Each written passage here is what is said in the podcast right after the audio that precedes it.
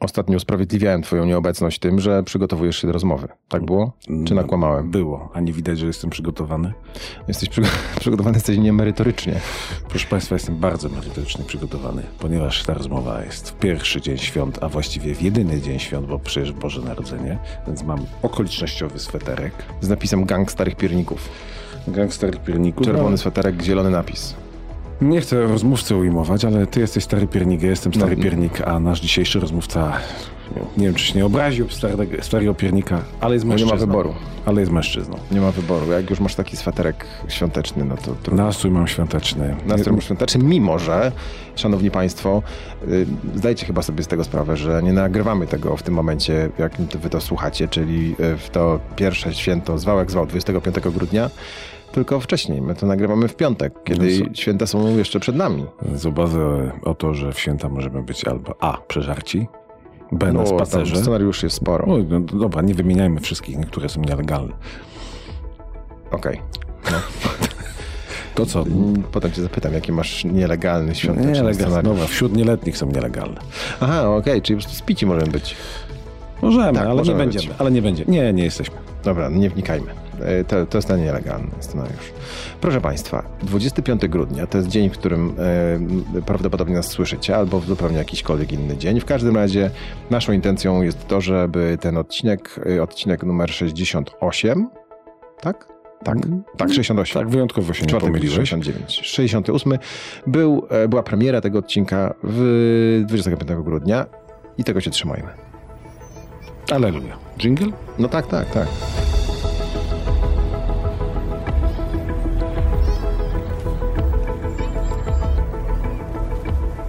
Nagranie i produkcja podcastu szumstudio.pl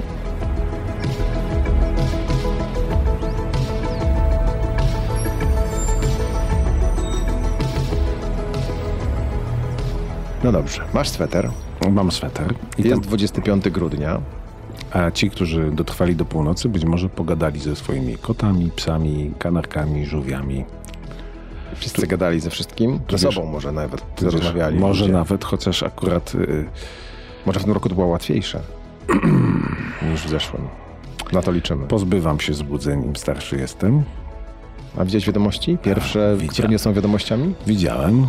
y, Nudne, nie? y, no tak, y, tak. Takie miały być. Po, po raz pierwszy od lat miałem ciśnienie w normie 120 na 80. Zero nerwów. Niczym nie rzucałem w telewizor.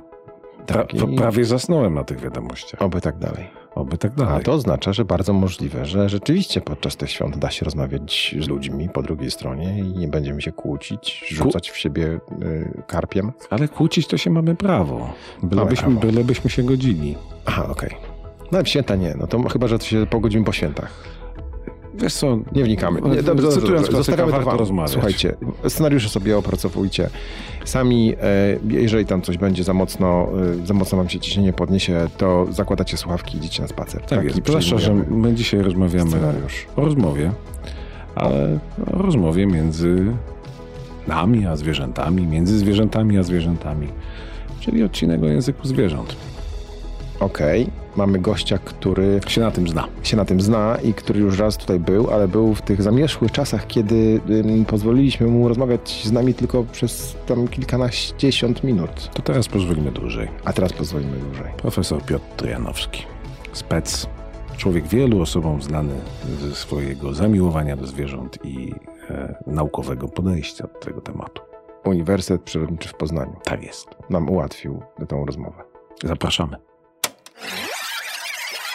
Coś panu nagadały zwierzęta w Wigilię?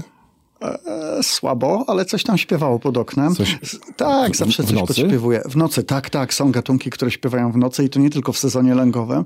Są takie ptaszki, albo jest jeden przynajmniej w moim ogrodzie i taki, który w ogóle jest wyjątkowy, to jest rudzik.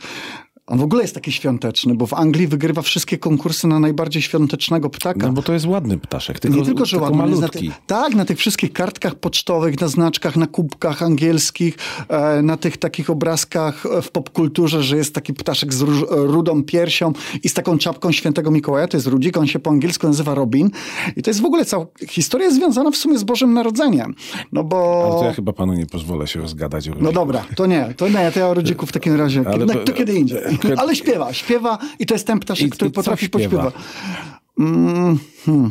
Oznacza terytorium, ale nie terytorium takie w rozumieniu, że broni miejsca, które zajmuje i za chwilkę tam będzie samica, czyli nie podpisuje się, nie podpisuje się przed innymi samcami, tylko to jest raczej takie oznaczenie, hej, chłopaki, dziewczyny, jestem tutaj, tutaj się muszę najeść, uciekać, Taki- uciekać mi stąd. A, czyli nie grozi za bardzo, tylko raczej jestem swój chłop, tak? E, raczej tak, zwłaszcza, że u nas zagęszczenie zimujących rudzików jest bardzo małe, to to jest raczej takie chyba, żeby nie zapomniał śpiewać, niż prawdziwe oznakowanie miejsca, gdzie jest. No, do czego ja zmierzam, to już żadną tajemnicą nie jest. Do języka zwierząt. Co one mówią? I czy są takie, które e, mają bardziej zaawansowane języki? Czy w ogóle można mówić o języku w przypadku zwierząt? Oj, to o tym są całe debaty. No To- właśnie, to- to- nawet, nawet kilka zdążyłem przeczytać i wiem, że z czasem się to zmienia.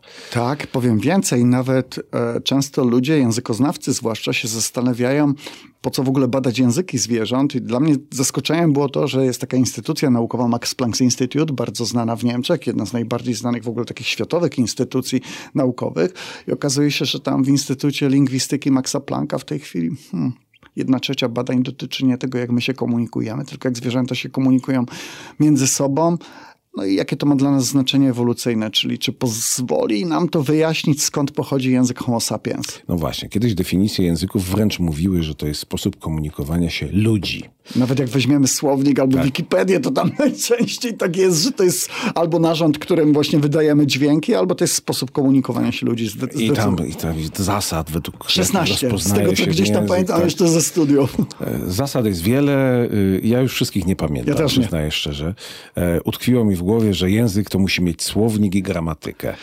No to to drugie tak. I jeśli byśmy tak stricte się przyglądali językom zwierząt, to jedna z tych takich szkół, która krytykuje, że to jest język, to jest właśnie brak gramatyki, czyli brak składni, fleksji, w ogóle tych wszystkich rzeczy, które pozwalają nam odpowiedzieć, kto nalał wodę do tej szklanki, czy szklanka, czy szklanka jest w wodzie, czy woda że w szklance, No prawda? ale jakby brać taką ogólną zasadę gramatyki, to to jest tylko sposób e, e, łączenia. No ale panie redaktorze, dość ważne, no bo to jest chyba istotne. Czyli czy... zwierzęta nie mają gramatyki? E, Przepraszam, źle zaakcentowałem. Gramatyki. Tak. E, no, w zasadzie powinienem odpowiedzieć nie, nie mają gramatyki, chociaż są podejrzenia, że niektóre walenie mogą mieć pewien rodzaj składni, przynajmniej i pieski preriowe, ale to są raczej podejrzenia, albo nawet jeśli tam, gdzie doszukujemy się gramatyki, nie wiem, u szympansów,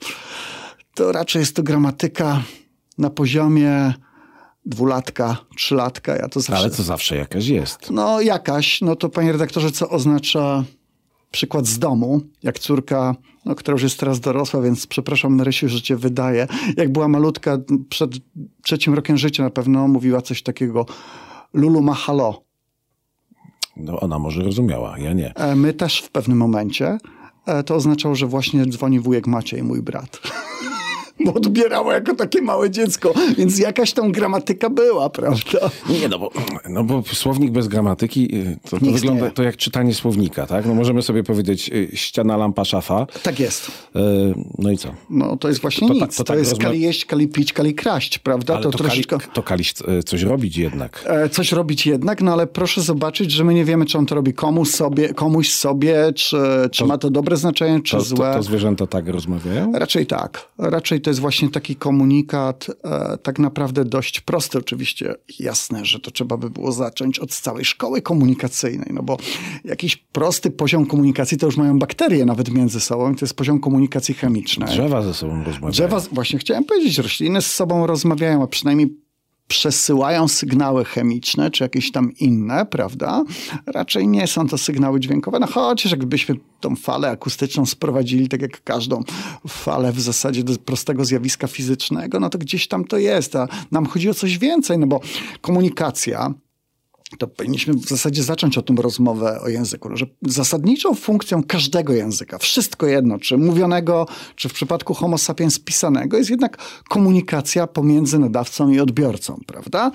No i w zasadzie tak by można było prosto skończyć, no ale sytuacja jest taka, że hmm, no komunikacja może mieć różne poziomy. Może mieć, nie wiem, mógłbym, przepraszam, nie, nie chcę dawać tego przykładu, ale mógłbym chemicznie oznakować to terytorium, ale nie będzie to język, więc jak pies sika na latarnię, to nie jest to jednak To język. samo w sobie nic nie znaczy. Samo w sobie nic nie znaczy, dla drugiego psa może to być jakiś komunikat, ale Ha, język... halo, był tu inny pies. Tak, No tak, to- ale o języku mówimy wtedy, kiedy ten przesłana informacja ma tylko czasowy charakter i jest, nazwijmy to, odwracalna. Czyli możemy w języku sobie powiedzieć, panie w czerwonym sweterku, daj pan spokój, nie, tak żartowałem, prawda? A jak pies już zrobi siku na tą latarnię, to już, że tak powiem, nie odsika tej latarni, tylko ten sygnał będzie tam bardzo długo No, patrząc na to, jakie poziomy węchu mają psy, to może się okazać, że Może, może. dane siki mają bardziej agresywny Mhm. wydźwięk. Ale oczywiście, że tak. Oczywiście, że tak, no bo jeszcze wrócimy na chwilkę do tego.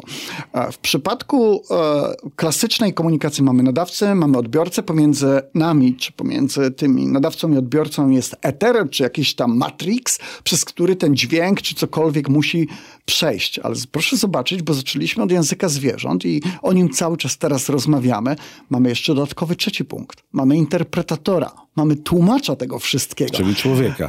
Czyli człowieka, czyli tak naprawdę my gdzieś tam jesteśmy sobie pomiędzy tym, mówił dziad do obrazu, a obraz do niego ni razu, czyli że tak naprawdę jakiś tam komunikat był nadany, ale nie było informacji zwrotnej, a pomiędzy tym, że próbujemy tak naprawdę nadać jakieś znaczenie informacyjne, być może kompletnie błędnie. No i dzisiaj e, cała teoria komunikacji zwierząt tak naprawdę no, zastanawia się nad tym, gdzie jesteśmy w tym wszystkim. Oczywiście potrafimy robić coraz więcej eksperymentów, oczywiście w skórę, nie wiem, czy na dla rudzika, e, psa czy kota się nie wbijemy, a tym bardziej delfina albo wieloryba, no, ale gdzieś tam właśnie przy pomocy układów eksperymentalnych no, próbujemy zobaczyć, e, jak ten język wygląda i próbujemy go jakoś w jakiś sposób odkodować. A może to my próbujemy po prostu zwierzęta z ich językami wpasować w nasz język, a ich świat jest tak odmienny, że my go nigdy nie zrozumiemy.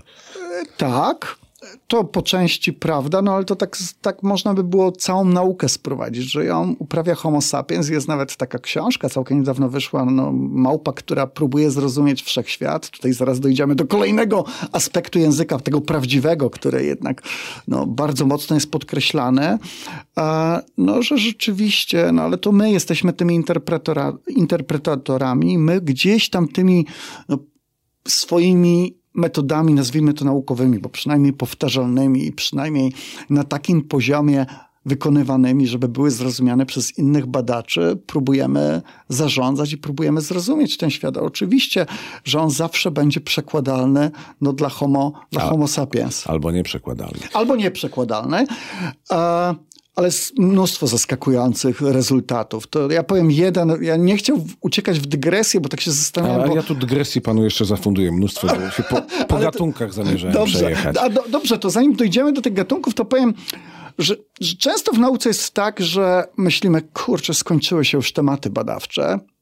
Ja się nigdy komunikacją dźwiękową nie, nie interesowałem tak jakoś mocniej, dlatego że chyba no, jestem z tych, którzy mają pierwszy stopień umuzykalnienia. Czyli rozumiem, czy rozróżniam, kiedy grają, a kiedy nie grają. No, możemy przybyć piątkę. Tak, ale no gdzieś tam, gdzieś tam da się to w jakiś sposób zrozumieć. To pierwszy element to był taki, że zaczęliśmy zwierzęta nagrywać i robić sonogramy, czyli to, co zwierzę komunikuje nam werbalnie, my sobie odczytujemy wizualnie jako, no, na, jako zapis fali na ekranie, prawda? Wtedy już było trochę łatwiej. No ale jakoś tak dziwnie się składało, że najbardziej mnie interesowały gatunki, które z tą wokalizacją nie są za pan brat, a jednak w komunikacji, nawet w budowie jakichś tam prostych komunikatów o charakterze jednak wyrażania skomplikowanych myśli, e, coś, coś, coś na ten temat potrafią powiedzieć. No i Pan się głównie zajmował, zajmował ptakami, tak, tak? tak, Ptakami, ale też komunikacją zapachową e, u ssaków, komunikacją jaszczurek, gdzie, gdzie są dość specyficzne rzeczy. Tam ciepło wchodzi, termika środowiska i termika pomiędzy osobnikami wchodzi w rachubę. Ale oczywiście ptaki są naj, najpiękniejsze i najwspanialsze. Tutaj w ogóle nie ma żadnej dyskusji. Ja No, tylko, nie, nie śmiałbym. ja bym tylko chciał powiedzieć, że dosłownie tydzień temu w Science, czyli takie najbardziej sztandarowe czasopismo naukowe świata, e, ukazała się praca, której, no, której bym nie podejrzewał, jak mogła wy, w, przebiega, jak mógł przebiegać sposób komunikacji, to nie wewnątrz gatunku, tylko między gatunkami. Bo wiedzieliśmy, od tego zaczęliśmy naszą rozmowę i kilka razy do tego wracaliśmy, że homo sapiens, że człowiek chce zrozumieć inne gatunki i że wchodzi z nimi w jakąś interakcję, bo to zrozumienie to jest czasem tak, czy potrafię nadać coś więcej, czyli pies na mnie dziwnie patrzy, czy ja mu potrafię odpowiedzieć tak, żeby on zrozumiał, żeby też intencjonalnie podszedł do tego, co ja wypowiadam albo co ja pokazuję. No i okazuje się, że najprawdopodobniej jednym z najstarszych elementów funkcjonujących w takiej komunikacji międzygatunkowej. To jest taka komunikacja pomiędzy człowiekiem, tak naprawdę ludami czy plemionami Hadza w Afryce, środkowej, czy bardziej w Afryce Wschodniej, a takimi ptakami, które, nie wiem, nie fachowcem to powiedział, troszkę przypominającymi nasze szpaki, które nazywają się mio, miodo, miodowie, miodojadami albo albo miodownikami, albo po angielsku one się nazywają honey indicator, czyli takimi, które wskaźnikami miodowymi, po polsku, tak jak powiedziałem, najczęściej miodowa, miodowodami je nazywamy. I to są takie ptaki, które reagują na gwizd człowieka. Ale one rozróżniają ten gwizd ludów Hadza od nawet naszego naśladownictwa. Dlaczego tym ptakom to jest potrzebne? One wcale nie zjadają miodu, ale one potrzebują człowieka, który znajdzie barć, znajdzie ten pierwotny ul, wyciągnie miód, a one sobie skorzystają z tych resztek, z larw pszczół, które tam są, a nawet z wosku. Czyli układ jest bardzo zaawansowany i te ptaki okazuje się, że idealnie rozróżniają te wszystkie tam gwizdy, które są produkowane. No dla nas takie, takie... Ja sobie myślałem, kurczę, co to jest? No przecież Gwizdy to żaden język. No, byłem w błędzie. Okazuje się, że 80 ludzkich języków opiera się tylko na gwizdach i na sknięciach. O mój Boże. No właśnie, o mój Boże, bo to Bo my... ja myślałem, że te ptaki sobie gwiżdżą, a to e, one Okazuje się, że ludzie też. e, ludzkiego gwizdania. A to nie wiemy, czy... Znaczy, podsłuchują na pewno. E, szpak, gwarek, e, kanarek, papuga, potra... no, papuga gorzej z gwizdaniem, ale ten szpak i gwarek potrafią Ale naśladować. nawet, ale one to nawet mówić potrafią. Właśnie, to do tego możemy dojść jeszcze, bo to jest właśnie jakby, czy rozmowa z ludźmi ma No, sens. dobrze, ale czy to jest rozmowa, to jest naśladownictwo. To jest tak, to jest naśladownictwo i ten najbardziej znana papuga szara, no to ten samiec Alex potrafił, mówi się, że około 400 400 wyrazów powiedzieć i to jeszcze w nieprzypadkowej kolejności, więc Czyli jednak umie gadać. Gadać tak. Pytanie jest takie, czy to Lubię jest... dowcipy o papugach, ale nie będę opowiadał. Ale właśnie, czy to jest, czy to jest sensowne wyrażanie rzeczywistego komunikatu, czy to jest właśnie tylko naśladownictwo, właśnie papugowanie, prawda? Ja mam w ogrodzie kosy. Już mogę powiedzieć, że zaprzyjaźnione, bardzo ciekawskie ptaki. Mhm. I nie wiem, czy one ze mną rozmawiają, ale z całą pewnością nauczyły się gwizdać tak jak ja. E, To nie wiem, o kosach nigdy nie słyszałem, natomiast kosy w mieście na pewno adaptują się do lokalnej sytuacji. A wiemy, że ptaki w mieście no, żyją w hałasie, tak jak my. Więc muszą ten hałas przekrzykiwa- przekrzykiwać. Proszę zobaczyć, że my w studio rozmawiamy inaczej, inaczej gdzieś tam Brzmiło głośno, terenie. chociaż dosyć cicho rozmawiamy. Tak? Tak, tak. Natomiast e, inaczej na stadionie, prawda? Nie wiem, nie byłem, ale podejrzewam, że tam albo w klubie, e, dyskotece się też rozmawia inaczej, się, się prawie krzyczy, bo mamy to tło akustyczne. I ten kos ma też to tło akustyczne w mieście. Jest mnóstwo prac w tej chwili, które pokazują, że ptaki w mieście całko, całkiem dobrze sobie radzą. No dobrze, oczywiście to jest wszystko kosztowne energetycznie, ale z pokonaniem tego poziomu, poziomu hałasu na dwa sposoby. Albo go przekrzykują, czyli nadają głośniej albo w innych pasmach, tak żeby przynajmniej siebie słyszały, niekoniecznie tak, żeby to człowiek bardzo dobrze słyszał, albo zmieniają porę śpiewu, kiedy w mieście jest spokojniej, stąd te kosy w mieście możemy usłyszeć godzinkę, dwie wcześniej niż ich e, kolegów, i- kolegów, bo koleżanki słabo śpiewają w lesie. No proszę. No i drudziki dlatego w nocy gadają, tak? E, tak, Rudzik no, dość subtelny jednak, więc no, musi wtedy, kiedy jest, kiedy jest cisza i spokój, no i tak wykorzystuje, wykorzystuje tę ciszę.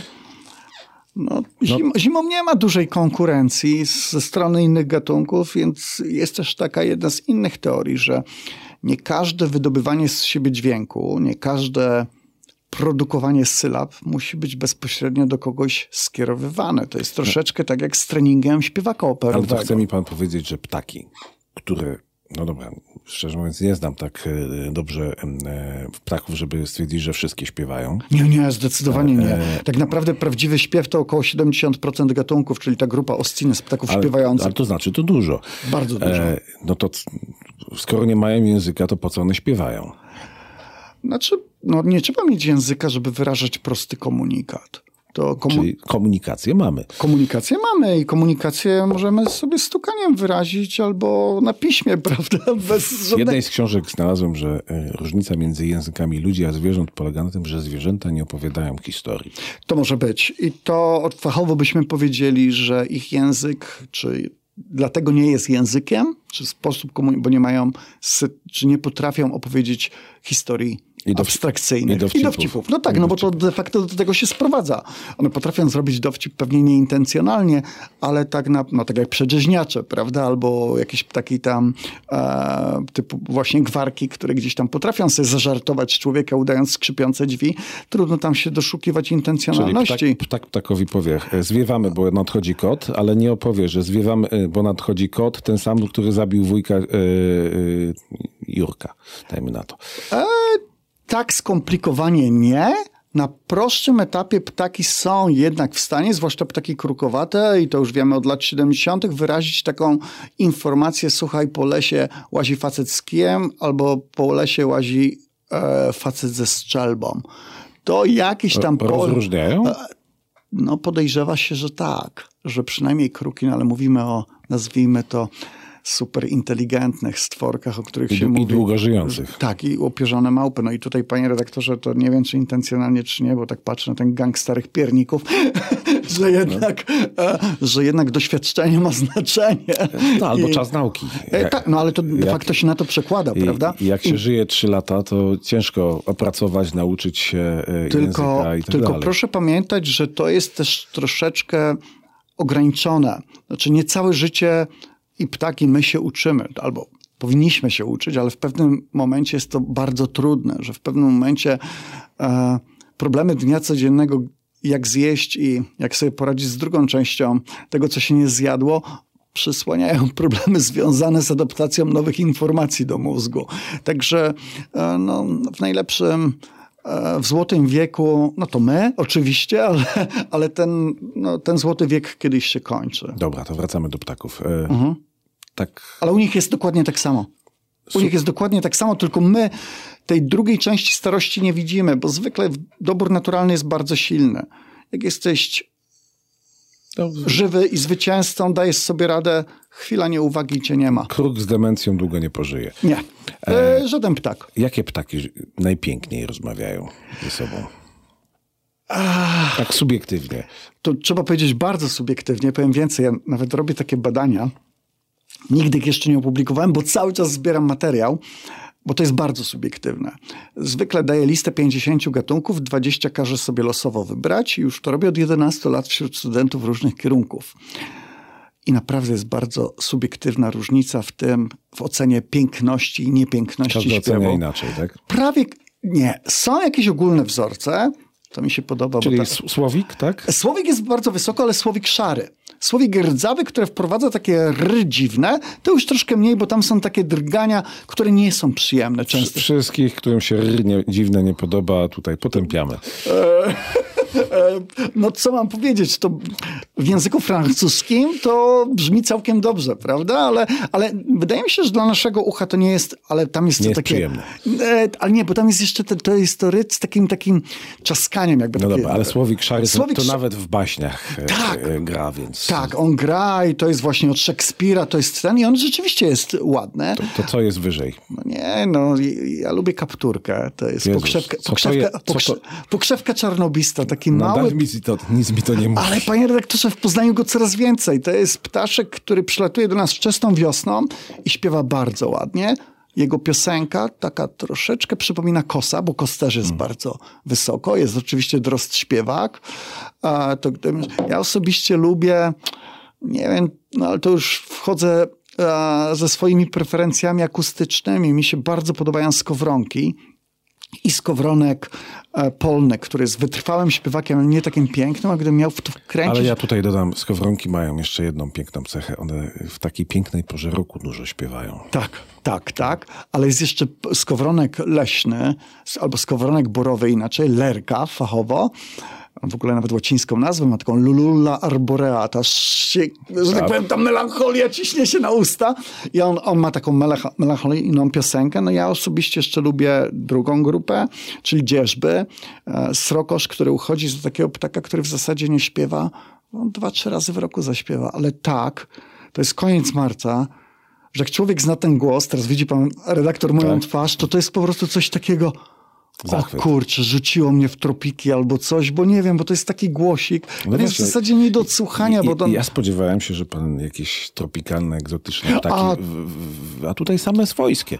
Ja lubię te swojskie gatunki. To jest takie oczaskanie albo osłuchanie. No, I jest taka, Słowiański gust. E, Tak, jest, taka, jest nawet taki termin nostalgia akustyczna i on był wykorzystywany w czasie drugiej, w pierwszej wojny światowej przez Anglików do tego, że przygotowywali nagrania dla żołnierzy walczących na przykład na froncie gdzieś tam w Belgii, w Holandii, nagrania ptaków brytyjskich, żeby im oddawać ten nostalgiczny klimat wyspy, do której mają Aż wrócić. jestem ciekaw, czy to działało na psychologii.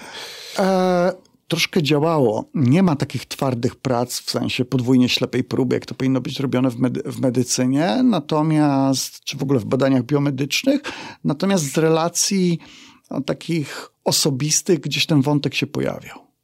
Dobra, y, o ptakach to chyba byśmy mogli długo, prawda? Boję się, że tak. Ale przyszedł mi jeden gatunek y, do, do głowy, którego zupełnie ze śpiewem nie kojarzę. Pingwiny. No, ale to Ale rozmawiają. rozmawiają. Oczywiście tam jest prosty układ komunikacyjny, ponieważ to są raczej okrzyki, ponieważ te krtanie jest zbudowane nie tak, żeby śpiewać, tylko właśnie, żeby wydawać z siebie w zasadzie ochrypłe dźwięki, jeśli w ogóle. No ale trzeba sobie radzić w takich warunkach. Proszę też zobaczyć, że one żyją no, w skrajnie niesprzyjających warunkach do wydawania dźwięku. Proszę, no bo tutaj Czyli to... gesty wchodzą? Tak, to zaraz powiemy, ale tutaj musi wejść Zimne powietrze. bardzo zimne powietrze, które musiałoby być ogrzane i wyrzucone. No jednak w takim napięciu termicznym czy w napięciu energetycznym to nie jest takie proste, prawda? Ale, Także, także dokładnie, wchodzą właśnie tak, wchodzą gesty.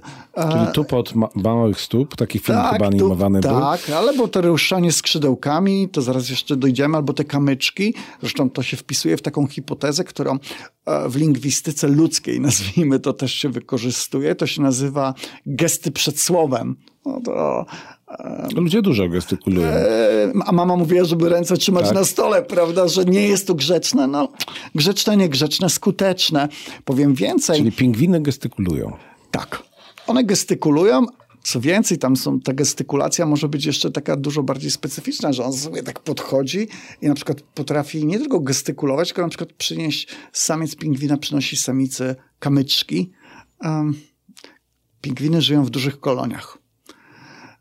Nie wiem, jak to teraz bardzo delikatnie powiedzieć, bo być może dzieci nas słuchają, ale stare powiedzenie mówi nie dać ojciec, nie dać matka tego, co może dać ci sąsiadka. Jednak geny muszą płynąć i te samice, jak nie mogą z nim pogadać, to ten samiec musi w jakiś inny sposób pokazać, że jest wartościowy.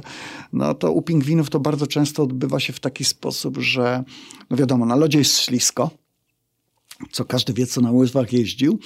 A żeby tam położyć to jajko, ono się nie może skulnąć z tego lodu. To właśnie już było w tej popkulturze i w tych tubotkach małych stópek i innych marszach pingwinów.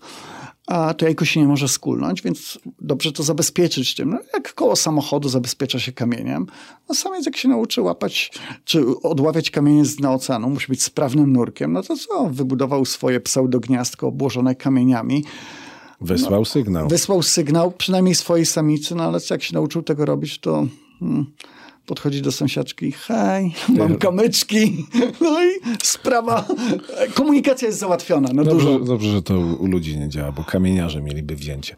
ale kamienie szlachetne, panie redaktorze. Dobra, zmieniamy gatunek. O ptakach, o ptakach było dużo. E, chciałem zmienić na gatunek wyższy, ale zmienię na zupełnie inny. Mhm. Na gatunek, który nie mówi, ale pokazuje. Pszczoły.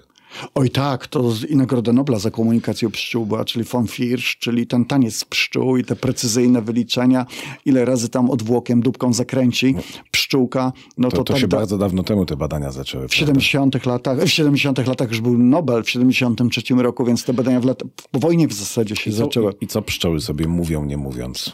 A czy mówią Po, sobie, pokazują. no to pokazują sobie, gdzie jest pokarm, w jakim kierunku i powiem więcej, one nawet potrafią pokazać e, różnicę, drobną różnicę, która może wynikać z tego, że niebo mamy, że słońce mamy na nieboskłonie i przez te parę minut, które ona leciała i oblatywała, słońce mogło minimalnie zmienić pozycję, żebyś zwróciła na to uwagę, droga siostro.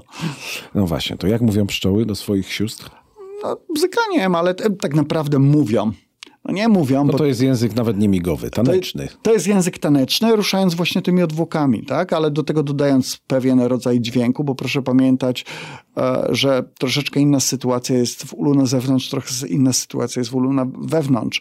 No, wewnątrz jest ciepło i gorąco i tam jeszcze do tego wszystkiego dochodzą substancje zapachowe, więc nie nazywałbym tego językiem, ale dość skomplikowanym systemem Ale komunikacji. generalnie Mówimy czasem język pszczół, to prawda. no, przekazują sobie istotne Tak, informacje, tak, tak, tak, tak.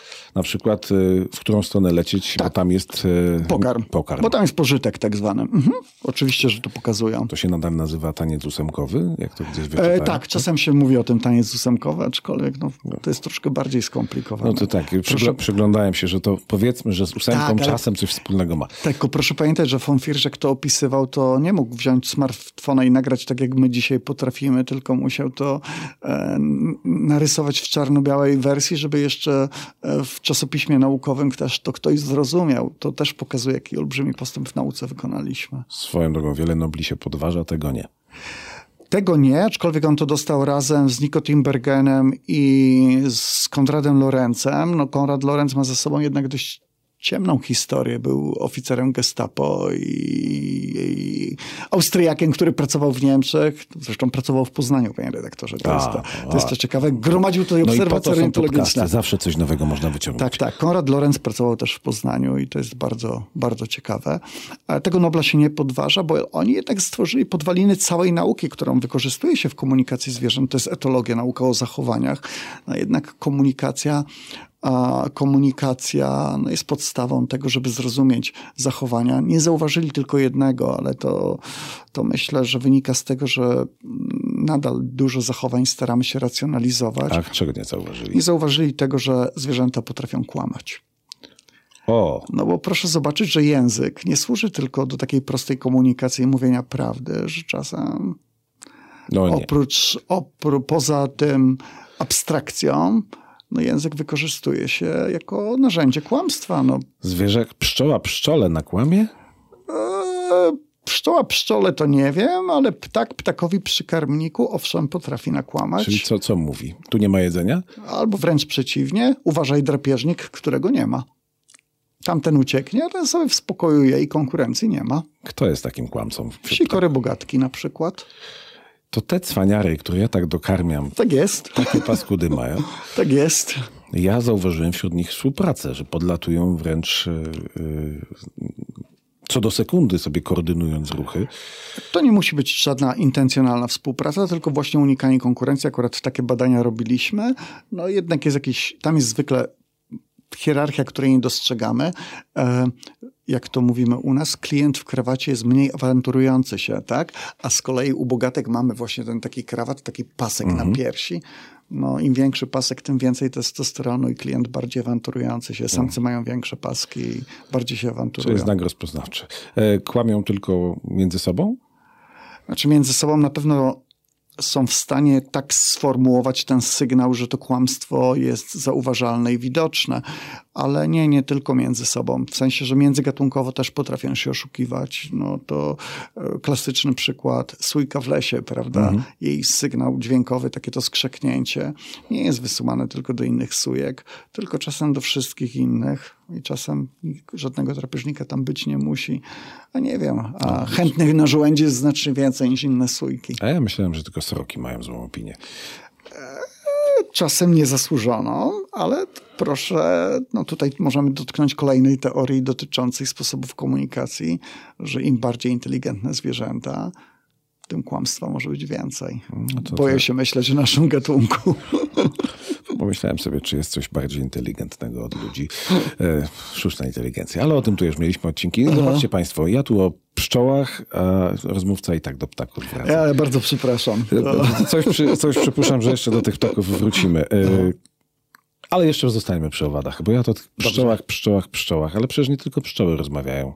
Przynajmniej w taki sposób komunikują się może. O tak. No nie, no to wszystkie zwierzęta, wszystkie owady się komunikują i to bardzo specyficznie, to, to na przykład feromony, prawda, ta komunikacja chemiczna i to działająca na setki kilometrów, chyba te najdłuższe przykłady e, chrząszczyków, które rozpoznają miejsca pospaleniska, które takie, takie, takie e, ogniolubne zwierzęta, czy jakieś tam firofile, które, które no, czują ten, ten zapaszek w powietrzu albo właśnie wysyłany sygnał przez samca dla samicy. Zresztą to się wykorzystuje w tak zwanej walce ze szkodnikami, że gdzieś tam w ogrodnictwie albo w leśnictwie zakłada się pułapki feromonowe, żeby, żeby to, wabić. Żeby wabić i to naprawdę nie zakłada się jej co 20 metrów w lesie, tylko starczy czasem jedna, żeby to działało. Także to jest jeden sposób komunikacji.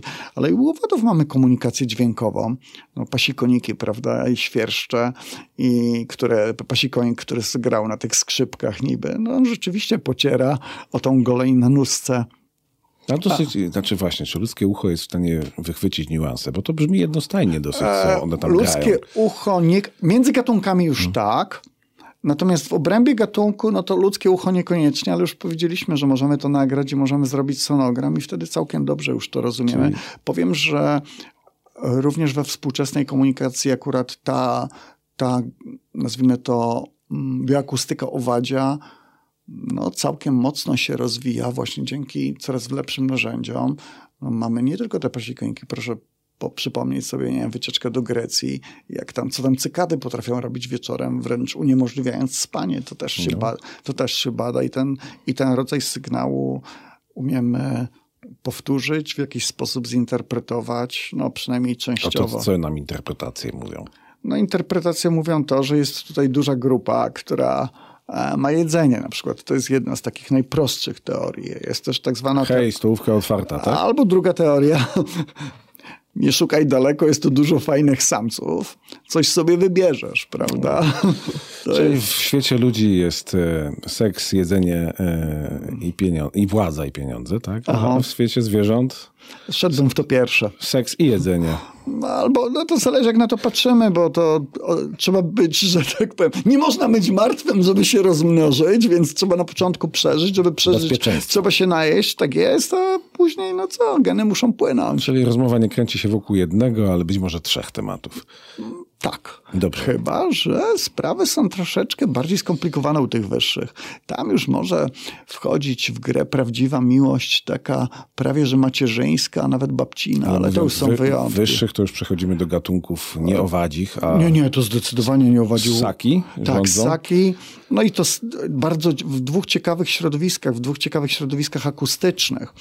No bo jednak za dużo tej opieki rodzicielskiej, takiej mocno zaawansowanej albo babcinej to już nie mamy, ale, ale rzeczywiście mamy takie przykłady u orek, albo w ogóle u niektórych wielorybów też, że jest rodzaj takiego uczenia się również języka, nie tylko sposobu pływania od, od babci. Od babci? Od babci. Nie od dziadka. No, czasem od dziadka też, bo to, to, to, to różnie, różnie wygląda. To, a, to, a to trochę jak u ludzi. U ludzi tak, też się to, więcej od to jest, powiem, powiem więcej, to tam są jeszcze takie ciekawe teorie, ale z kolei bardziej sprawdzone na ptakach, ale to znowu byśmy musieli wrócić, a pan redaktor już widzę, że mnie stopuje. Ale tylko chciałem powiedzieć jedno. Ja nie jest aluzja, aluzja taka, że u ptaków to jest jednak super, że czasem takie pomyłki, rozpoznawanie siebie po akcencie, to nie jest tylko sprawa e, Wysp Brytyjskich, że to nie jest tylko sprawa mm, e, górskich narodów e, gdzieś tam żyjących, albo Szwajcarów, gdzie, gdzie każdy Swiss Deutsch jest inny w każdej dolince, to u zwierząt innych też występuje niż ludzie. No i jeszcze, przepraszam, jak już wrócimy Mm. do tych, bo- jeszcze na chwilkę wrócę do wątku zasadniczego, tej komunikacji babcinej, no to jeszcze usłoni, że da się nauczyć tupać jak babcia, ale tupać to jest też rodzaj komunikacji, żeby ten sygnał akustyczny właśnie tym przyłożeniem solidnym nogi do podłoża jednak o czymś poinformować i to na dziesiątki kilometrów. Do słoni to jeszcze będziemy musieli wrócić, jak o ile nam czasu starczy. E, to najpierw e, środowisko wodne i ssaki, tak? Mhm. E, e, bo przecież w tym środowisku wodnym mamy również wielkich przedstawicieli typu rekiny. Tak, ale to akurat ryby. A, no wiem, no tak, jeszcze pomyślałem o ośmiornicach. Bo A takie- tak, te też mają inne, super sposoby komunikacji. I są bardzo inteligentne. Tak. E, więc To jest w ogóle jedna z rzeczy, których chyba nie rozumiemy do końca. Przez to, że przez jej budowę oka, jej budowę mózgu tak odległą od naszego, jakby nie możemy tego poskładać jeszcze wciąż. Kiedyś czytałem taką książkę naukową, w której y, dosyć ciekawą, naukową, przepraszam, fantastyczną, w której autor miał taką ciekawą koncepcję, że e, ośmiornice myślą dlatego tak inaczej, bo posługują się systemem ósemkowym. Nie. No, czasem nauka przerasta jednak science fiction i być może odkryjemy coś jeszcze bardziej od, odlotowego, ale, ale rzeczywiście, jeśli chodzi o tą koordynację tych ramion, bo to rozumiem, że w tym kierunku Tak, to tak. szło, to może być coś na rzeczy. No, bo- Język, właśnie wyobrażam sobie język migowy u ośmiornic. To tutaj pan redaktor dotyka w ogóle wątku, o którym prawie w ogóle nie rozmawialiśmy, czy język migowy jest językiem, a jest. No wśród, te- wśród ludzi jest. Nauczyliśmy Jest. posługiwania się tym językiem e, wiele gatunków e, małp. Tak, ale to, to, Głównie goryle i ale, szympanse, ale się. kilka tak? wyrazów, tak jak powiedziałem, i bez tam sensownej gramatyki. Ale nie? wróćmy do waleni. Tak jest. jednak, Dobrze, jednak. chętnie. Orki, wieloryby, e, wielkie mózgi. Wielkie mózgi, no bo wielkie organizmy. W mózgach olbrzymia mapa oceanu, zwłaszcza u tych największych e, waleni. Wielki sygnał akustyczny, puszczany w taki sposób i odbierany w taki sposób, którego przez długie lata nie rozumieliśmy, dopóki nie było tych sąd podwodnych. E, Sygnał akustyczny, który okazuje się potrafi widzieć nie tylko te kontynenty i odległości, tylko również statki, które płyną i które robią na przykład leki wir wody, co może oznaczać czasem jedzenie, nie tylko wielorybników. A, także tam jest bardzo poważna rzecz, no i te śpiewy waleni, prawda? To, No to, to, to, te, te tam e, w, w, wybrzeży Nowej Szkocji. Ale one to- nie śpiewają, żeby sobie pośpiewać chyba. No nie, nie, nie. No To, to, To co mówią walenie? a czy to znowu to podstawowa funkcja to jednak to jest dobranie się razem e, do rozrodu, prawda? Drugie to jest o ruchach krylu na przykład, czyli podstawowego źródła pokarmu, co tam się dzieje. E, Są też takie informacje, że one sobie potrafią przekazywać informacje o jakości wody. E, Chyba o zasoleniu, jeśli dobrze Ja pamiętam. się zastanawiam, jak to odkryto. To niestety musiał pan redaktor pytać tych fachowców. Ja wiem, że to są w ogóle, to są w ogóle badania, no, no walenie to też wymaga olbrzymiego, drogiego sprzętu i tych sąd głębokościowych. To, to jest wszystko też kwestia ostatnich. Mnie to fascynuje, że to odkryto w zasadzie nie zaglądając im w te mózgi, nie? Tylko robiąc jakieś takie właśnie doświadczenia, nagrywając, patrząc, zgrywając te fale akustyczne. Lepiej niech nie zaglądają im w mózgi. no, Szkoda by drugiego osobnika. A- jeszcze o, o, do orek chciałbym wrócić, bo ostatnio się zrobiło głośno o orkach e, z powodu ich napadów, tak to w cudzysłowie powie- powiedzmy, napadów na jachty. Pa, pa, pa, parę zatopiły. Wiem, wiem, słyszałem o tym i gdzieś tam nawet widziałem przelicznik, ile osób ginie od orek na świecie, ile z, e, ginie od spadających orzechów. I pewnie orzechy zabijają więcej. Oczywiście i to chyba o 16 razy więcej. No bo orki się nie na, nie na ludzi upadły, e, uparły, tylko na te, te jachty. No, ktoś wpada w ich środowisko, mogą się zdenerwować. Ale dużo wskazuje na to, że to nie robią jakieś pojedyncze orki, to już Tylko się... to są gangi. No to są gangi. To co, one Gang- któregoś dnia sobie powiedziały, halo, tam... Jest tanie jedzenie. jest- Wie pan. No no to one tam tych ludzi na tych jachtach nie zjadają. Aha. Bardziej, bardziej wychodzi na to, że... Infrastrukturę niszczą. Tak jest, nie podoba im się tutaj... No, ktoś wtargnął, no, No to co, mogły sobie tak powiedzieć? ale mogły sobie powiedzieć i istnieją zwłaszcza takie gangi dojrzewających samców, nie tylko łorek, tylko to jest ogólne zjawisko, gdzie właśnie taka rojberka no to jest też przygotowywanie się do zawodu rodzica albo do tego, żeby pokazać się samicy. A No. później ciekawe, czy mówią swoim dzieciom, a za moich czasów... E, boję się, że mówią, albo przynajmniej częściowo, a przynajmniej po cichutku sobie myślą, kurczę, też byłem lekkim tym, dobrze, że on połowy tych głupot, co ja nie robi, prawda? To, to tak trochę może funkcjonować, ale na ile to, to jest teraz nasz wymysł, to, to nie odpowiem. Ciekawe, czy dają klapsy. No, zwierzęta się potrafią dorosłe, w sensie dorosłe dać klapsę dzieciom. Oczywiście to u małp jest powszechne dość. A sam, a, no, to panie redaktorze, nie idźmy tą drogą, bo jakbyśmy popatrzyli, co robią ptaki, jak są młode, niegrzeczne, to tam nie ma, że klapsik, tam może być pozbycie się delikwenta na wieki. Amen. O, amen. No dobra, to nie, nie idźmy tą drogą, bo jeszcze ktoś zmieni nam kodeks karny. To też, jest, to też jest zresztą sposób komunikacji do pozostałego rodzeństwa. Być może no, takie. to chyba skuteczne. Bardzo skuteczne. Nie, nie, ten, ten, ten, ten, ten, ten on, on jest widoczny. Nie chcę być złośliwy, ale my znowu jesteśmy przy ptakach. Mm, tak. Dobrze, e, walenie to też by była osobna historia. Oj, więc... zdecydowanie. Tutaj nie czuję się specjalistą, ale to jest taka grupa naprawdę fascynująca. No, z Poznania... I trudna do zbadania, bo nieobserwowalna na co dzień. Tak, zwłaszcza w Poznaniu, chociaż są delfiny rzeczne, które mnie troszkę interesują. To są te tam różowy delfin. Ciekawe, czy w Poznaniu takiego widziano. Wystawę kiedyś taką robiliśmy z Piotrem Przyłódzkim, tak, w Palmiarni, ale, ale one też mają super metody komunikacji. Te to co dopiero muszą radzić, no bo w oceanie to pan redaktor ma chociaż przejrzystą wodę i no nie ma tam takiego bałaganu jak w Gangesie albo w, e, w Amazonce. Ale życie w Gangesie jest, w Amazonce jest. Tak, no tak jest, więc muszą sobie jakoś radzić i muszą co więcej przekazywać informacje i dają radę. No bo ja znowu przeskoczę, bo tak sobie pomyślałem o Amazonce, gdzie piranie działają stadnie. To przecież co, rozmawiają ze sobą? Nie muszą rozmawiać. Sygnał chemiczny. Po prostu... Sygnał chemiczny dość prosty. Skóra. Skóra ryb zostawia ślad zapachowy, one go czują w bardzo dużym rozcieńczeniu.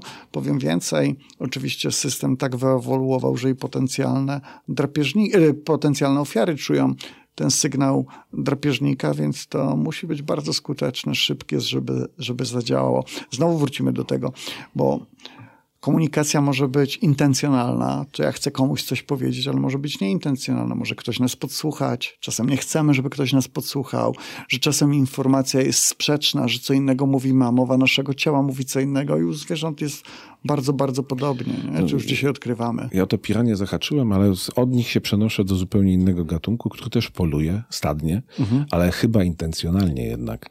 Psowate zwłaszcza. O tak. Wilki, czy, czy w Afryce liakony. Tak. E, które podobno są najskuteczniejszymi myśliwymi e, pod słońcem e, w swoim polowaniu stadnym. Tak, znaczy ze skutecznością to ja uważam, że wszystko, co żyje, nawet teleniwa, jak mi się udało przeżyć, to znaczy, dobra, skoro działa, to, to jest sensowne i skuteczne. Ale bliższy wilk Polakowi, tak. E, więc e, wilki tak. polują stadnie przecież. Polują stadnie. I co one sobie mówią? Ustalają strategię? No to strategia wynika też z wieku, z doświadczenia. I z podziału ról. Z tak? podziału ról, z sygnału zapachowego. Czyli młodsze idą w nagonce. No Najczęściej tak, proszę zobaczyć, że tam też jest jednak silny sygnał akustyczny i to wycie, które pokazuje przynajmniej na tyle, że to miejsce jest zajęte przez moją watachę. Tam jest dużo... Czyli to nie jest objaw tęsknoty do księżyca? Mm, raczej nie. Raczej nie. Musimy to właśnie jakoś... Druga strona księżyca jest zawsze ładniejsza, więc może on prosi o obrócenie, ale nie, nie. To, to jest raczej wykorzystywanie też no, tego, jak wygląda, jak wygląda sytuacja akustyczna. Okazuje się, że tam jak jest rozświetlona noc, to być może na przykład sygnał e, ze względu różnych e, ten wizualny da się połączyć z akustycznym i to wszystko fajniej działa sobie. Nie? To hmm. my to zinterpretowaliśmy, zinterpretowaliśmy tak, jak jest. Zresztą, nie, to ja muszę anegdotę, nie będzie za to o ptakach. O, e, poproszę będzie bardziej o ludziach, a w zasadzie o studentach i studentkach. E, ja robię, oczywiście czasem wykładam w ramach etologii albo w ramach wprowadzenia e, do biologii e, dla lekarzy weterynarii i robię takie zajęcia poświęcone właśnie komunikacji. I staram się pokazać, że to nie jest takie proste to, o czym mówiliśmy, że jest tylko nadawca, odbiorca, ewentualnie interpretator, tylko że po drodze coś się może wydarzyć. I wymyśliłem sobie takie zdanie, które nazywa się w sytuacjach skrajnych bardzo dużą rolę odgrywa przypadek, który później racjonalizujemy. I daję to zapisane na kartce pierwszej studentce czy studentowi i proszę na zasadzie gry, którą znamy z przedszkola głuchego telefonu, przekazania krótkiej liczbie osób. Zwykle wybieram siedem, bo panie redaktorze, jak wybrałem więcej niż dziesięć, to w zasadzie był kompletny chaos. I to zdanie ostatnio usłyszałem od jednej z grup. Nie siadaj na skrajnym stole. A Mm. druga grupa napisała, w sytuacjach skrajnych coś tam się pieprzy. Więc jednak, A jednak, a, jednak jakaś interpretacja weszła, a, nie, prawda? prze, a nie przedszkolacy. A jednak. nie przedszkolacy? Nie, ale to poka- dlaczego ja to Może, mówię? może po prostu mają słabą dykcję. Tak, ale to ja też nie mam najlepszej. Ale co, chcia- co, co, co to ćwiczenie pokazuje? To ćwiczenie pokazuje, że jak jesteśmy podsłuchiwani, jeśli mamy przekazać jakąś informację i chcielibyśmy przekazać informację, której ktoś tam gdzieś nie usłyszy, to gdzieś tam po drodze możemy zrobić błąd. I proszę zobaczyć, ile my błędów robimy w komunikacji międzyludzkiej. No już nie chcę mówić. Jesteśmy, Słynne komedie pomyłek tak, i tak dalej. tak, jesteśmy w czasie świąt, więc tutaj tam panie domu co innego, panowie w domu co innego. Jak to kiedyś tata mówił, przez dialog do nieporozumień. I, i niestety, i niestety tak, to, tak to działa, żebyśmy o tym elemencie... I to znowu, to nie musi być intencjonalne, że to nie musi być wcale kłamstwo, tylko to istnieje taki mechanizm podobny do tego, którego znamy w genetyce, do mutacji, że gdzieś tam coś się zaplącze, że ktoś coś źle wymawia, że ktoś coś źle usłyszał, że lewym uchem wpadło, drugim wypadło. Plotka tak A, się czas, a czasem się nakłada intencja. Tak, i do tego wszystkiego oczywiście nakłada I się intencja. Jeden mówi drugiemu dobrze, ale ten drugi e, Słyszy to, co chce usłyszeć. sły, słyszy, że na pewno to jest powiedziane złośliwie. Tak? Oczywiście, no i to, to, to pokazuje, jaka trudna jest tak naprawdę no, nauka o języku i gdzie... Ale wydawało mi się to cechą ludzką, a to może być cechą zwierzęcą. My nie one wiemy, czy jest. No, na razie powiedzieliśmy, że tam nie ma tego abstrakcyjnego elementu, ale to pokazuje, że to, co my się wydaje, mi się wydaje, że najfajniejsze czy najciekawsze jest właśnie w porównywaniu naszego języka homo sapiens, czy języków homo sapiens do, do zwierząt, to jest pokazanie, pokazanie tych różnych rzeczy, nad którymi nie mamy do końca kontroli, właśnie tej abstrakcji albo tego, no proszę, przepraszam za przykład, który jest nie ptasi e, i jest w ogóle ludzki. A Mieliśmy rozmawiać o, o zwierzętach, ale proszę zobaczyć... Człowiek to też zwierzę Tak, to też zwierzę, tak. Ale po, po, spróbujmy zobaczyć na, na, na, na taką rzecz, że no czasem w tłumaczeniach, o tłumaczeniach poezji, no co mówimy o tłumaczeniach poezji, że są albo dobre, albo piękne, prawda? Że czasem no, musimy się nakombinować w tej interpretacji, żeby coś oddać tak, jak rzeczywiście, co autor chciał powiedzieć, żebyśmy A zwierzęta próbują nas zrozumieć? Już nie mówię o interpretacji. pokazali. E, I zrozumieć, i zinterpretować. Tak. Czy jak pies się we mnie wpatruje, To. I to, to, on po- lepiej mnie rozumie pewnie niż ja jego. Na, nie, myślę, że to jest akurat tutaj pan redaktor dotknął przykładu, to sprzed paru lat badania Japończyków, też opublikowane w Science, które pokazują, że wydzielanie hormonu szczęścia, czyli oksytocyny, u psa i u człowieka, jak na siebie patrzymy ze zrozumieniem, jest bardzo podobna i działa w obie strony, czyli mamy, że tak powiem, komunikację partnerską. I, ale tutaj raczej, raczej właśnie ten pies jest wyjątkiem, a przynajmniej dotychczas No bo- dobrze zbadany. Bo z człowiekiem żyjemy, że tak powiem, pod jednym dachem jako gatunek najdłużej. Nie, najdłużej chyba nie. Aha, w sensie pod jednym dachem takim, że ucywilizowanym. Tak. Nie, ale jeśli chodzi o udomowienie, to, to też zdania są podzielone. Nawet, nawet są takie hipotezy dość szalone, że to być może pies udomowił człowieka, a nie człowiek udomowił psa, ale to ja mówię, ja się śmieję, ale rzeczywiście gdzieś tam są takie. Ale jeśli popatrzymy na, na proces domowienia, udomawiania, bo tam, tam też się mówi o tym, o sposobie komunikacji. No jednak wychodzimy od wieczoru wigilijnego, to, to tradycja pochodzi od tego, że pasterz czy, czy rolnik gdzieś tam sobie szedł i mówił, że idzie porozmawiać ze zwierzętami. No to jak popatrzymy na te zwierzęta gospodarskie, zwłaszcza na owce, no, Przyszedł pan z to- książką. Tak, tak, bo to, To, to ja muszę powiedzieć, bo ten tytuł jest świetny. Złap oddech na pastwisku, terapeutyczne beczenie owiec. No właśnie o to chodzi, bo, bo być może w przypadku owiec tak naprawdę to nie chodzi tylko o samobyczenie, tylko że sygnał, który nam zwierzę przedstawia, no to świadczy nie tylko o kondycji tego zwierzęcia, ale my go możemy zinterpretować, czy ono jest spokojne, czy nie jest spokojne, uspokoić się przez to. Ja sobie czasem myślę, kto chodził do tych zwierząt z tym odpłatkiem? Rolnik, pan rolnik, on miał już dość tego gadania przy stole i tego wszystkiego i po prostu sobie chodził od tego wszystkiego narosłe A interpretacje. do owcy się można przytulić. Tak, to owca to jest w ogóle, to panie redaktorze, to, to by trzeba było cały odcinek zrobić. W Wielkopolsce mamy owce, mieliśmy rasę wielkopolską i na obrzeżach Poznania to wszystko funkcjonowało i w samym, i w samym mieście, to, to ja już nie chcę wschodzić na owce, no Poznań ze swoją skopiną i z tą tradycją kulinarną właśnie opartą na baraninie naprawdę był wyjątkowy, więc... nie, nie wybaczą nam e, że my tu od rozmowy o myślących stworzeniach do jedzenia przechodzimy. Ale nie, nie, to ja nie chcę przechodzić do jedzenia, tylko chcę pokazać skąd to się wszystko wzięło, chociaż to jest bardziej pewnie dla speców od kuchni albo te, te rozmowy to bardziej dla etnografów, ale, ale zdecydowanie ten element, bo ten element wspólnego życia pasterskiego szałas, w szałasach, później w gospodarstwach rolnych, to wywołało zainteresowanie językiem zwierząt. To nauka przyszła później, jako takie, jako taki... Czyli siedział sobie Juchas gdzieś na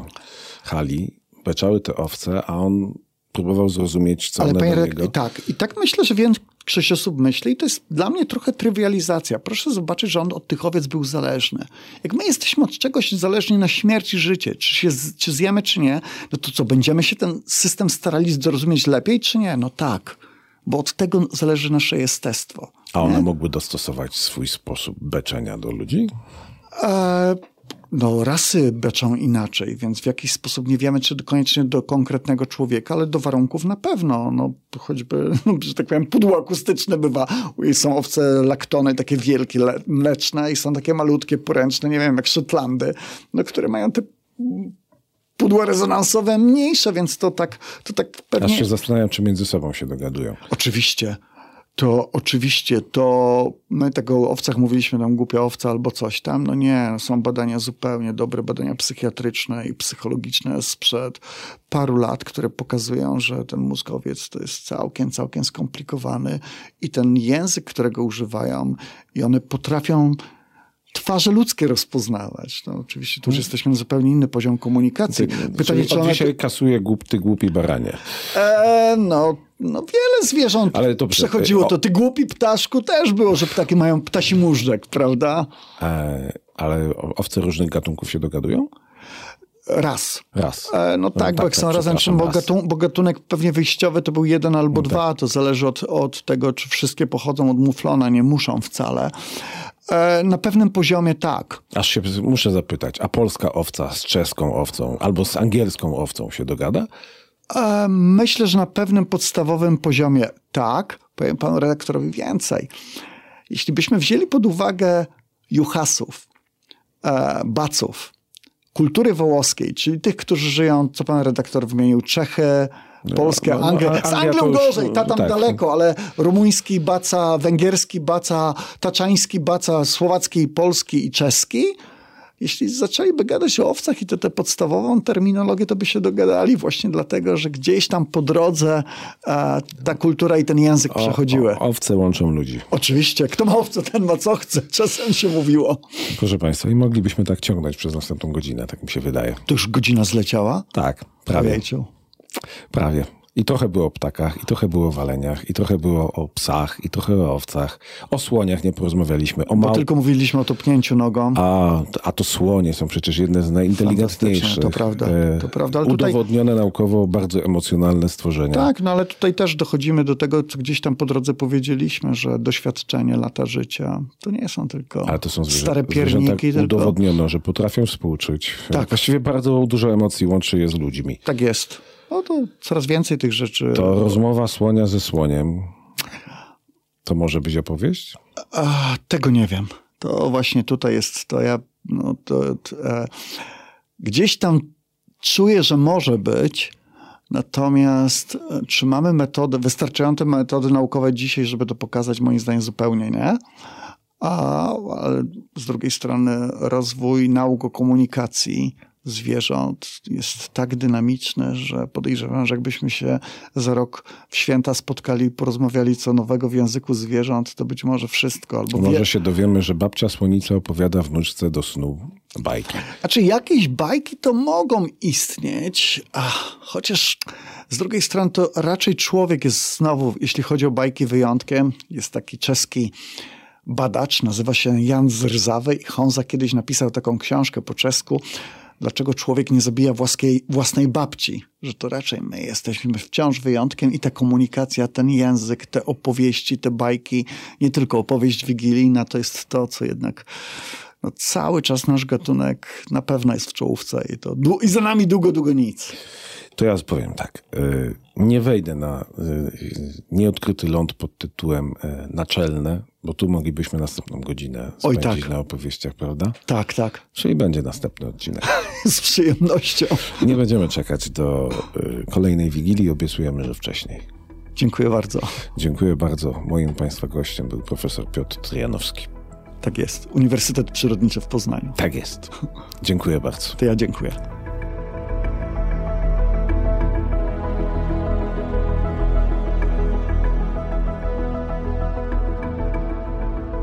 No, to było niezła jazda z tymi zwierzakami, co? O, najlepsze jest to. Chyba miałeś dobrą zabawę. Cholernie dobrą zabawę, bo ja byłem przekonany, że jestem przygotowany. Ale i tak, No no, no, dzień dobry. Znaczy, no dobra, nie jestem ekspertem. Na od- tyle, na ile mogłeś to zrobić w ciągu tygodnia. Na tyle, na ile mogłem zrobić to w ciągu tygodnia, rozmawiając z kimś, kto się tym zajmuje całe życie. E, I tak mnie na starcie zaskoczył paroma rzeczami. E, natomiast wiemy już jedno. Mam nadzieję, że u Państwa się zdrowy niedosyt pojawi po tej rozmowie.